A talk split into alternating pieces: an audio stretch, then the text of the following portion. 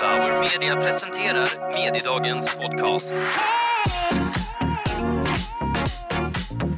Hej och välkomna till Mediedagens podd som presenteras av Bauer Media. Jag heter Daniel Assassi och idag ska vi träffa inspirerande talare på Dagens Medias event Mediedagen. Och nu sitter jag här i Bauer Media studio och framför mig har jag.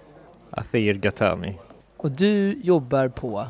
Bitdynamics deltid som jag driver själv och så jobbar jag som forskare på SIX, Swedish Institute of Computer Science och forskare inom AI. Wow, så vad är det du ska prata om idag? Eh, idag så tänkte jag prata om hur man kan eh, förbättra kundupplevelsen med hjälp av eh, AI. I både i termer av marknadsföring men även eh, CRM. Hur etablerat är det här idag? Hur många är det som gör det? Och hur, liksom, hur... Eh, man kan säga så här, idag så är det uppdelat i två läger. Vi har de här gigantiska företagen som startade för länge sedan och det känner vi alla till. Det handlar om Google, det handlar om Amazon, det handlar om Facebook. Eh, ser man på deras framgångar så kan man med all säkerhet se att det har med deras ambitioner att ligga i teknikens framkant.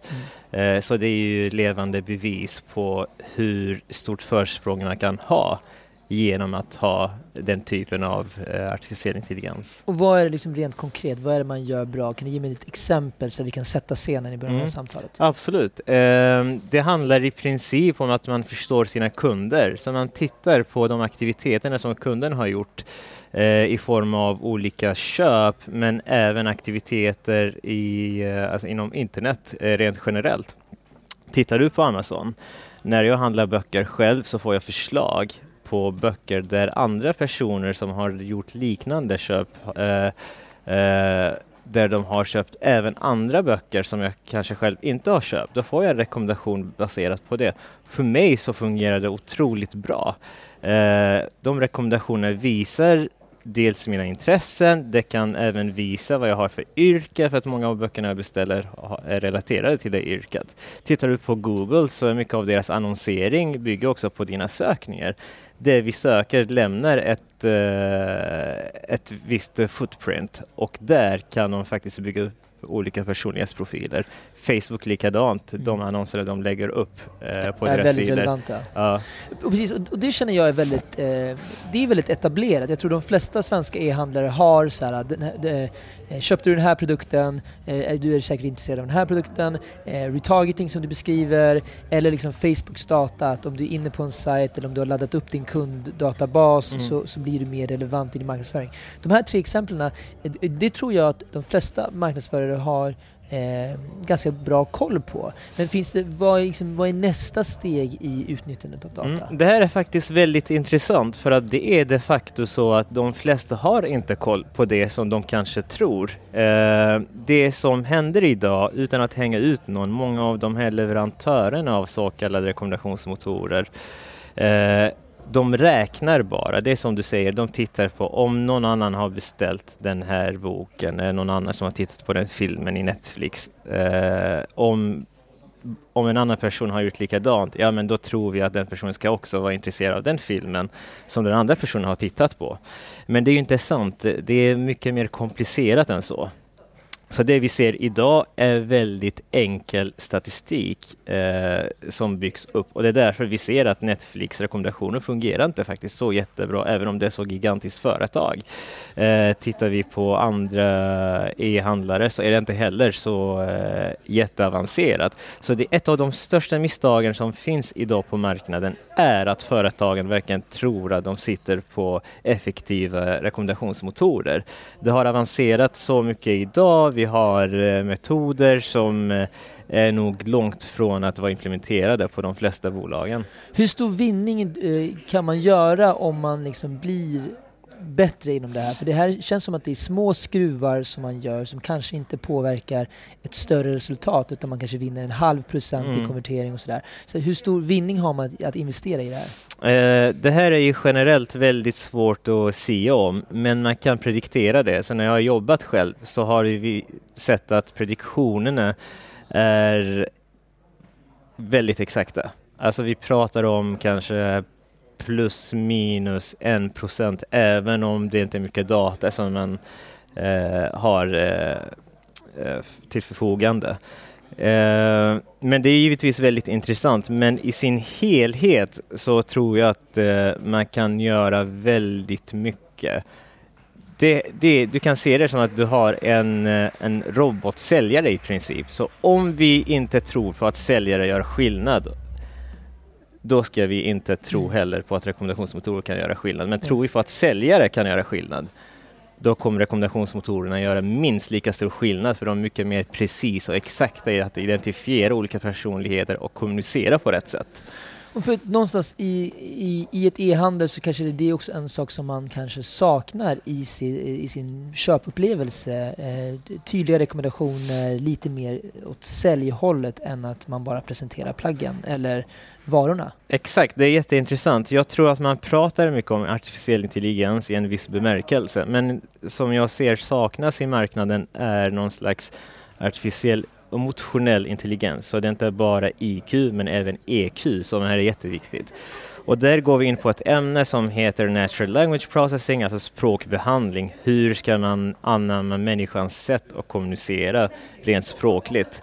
Eh, och det jag tror det är där som man kan göra stor skillnad i att till exempel göra eh, eh, reklamen med ett visst innehåll där man verkligen optimerat själva innehållet språkmässigt. Man tittar på nyckelord, nyckelfraser.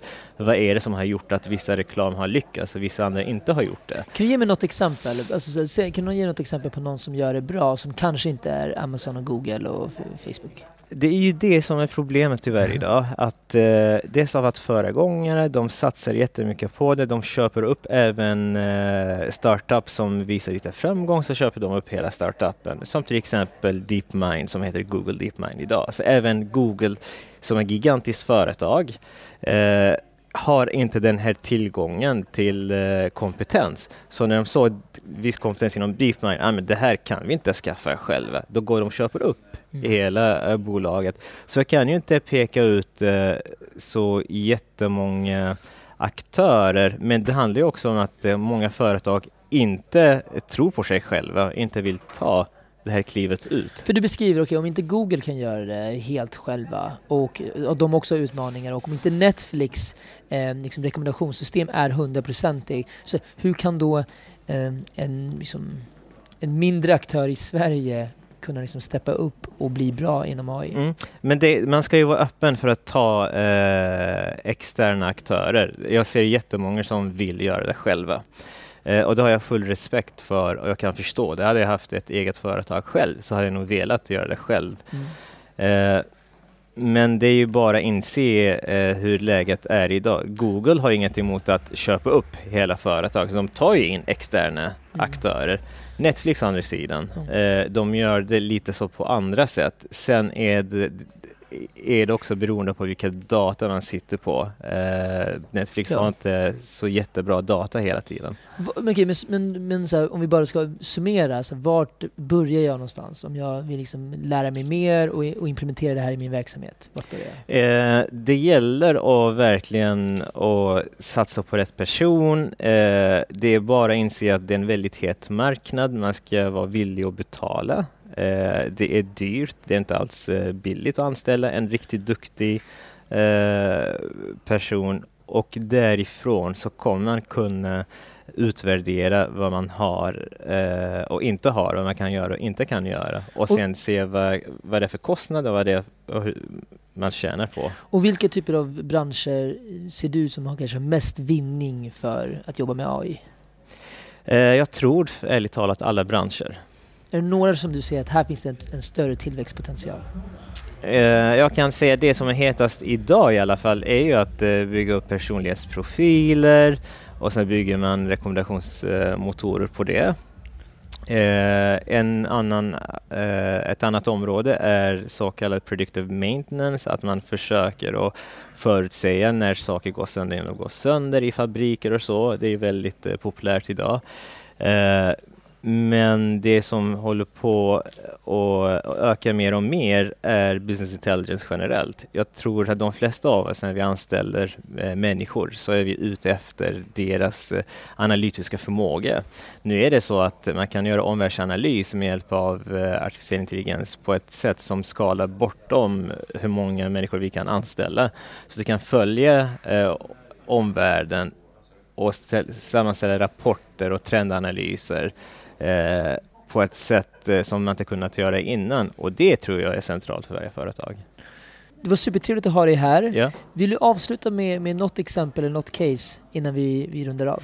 Eh, jag ska avsluta med ett karikatyr som jag såg häromdagen mm. apropå ifall man ska satsa på eller inte. Det är en bild på två personer som eh, drar i en vagn vars hjul är eh, fyrkantiga.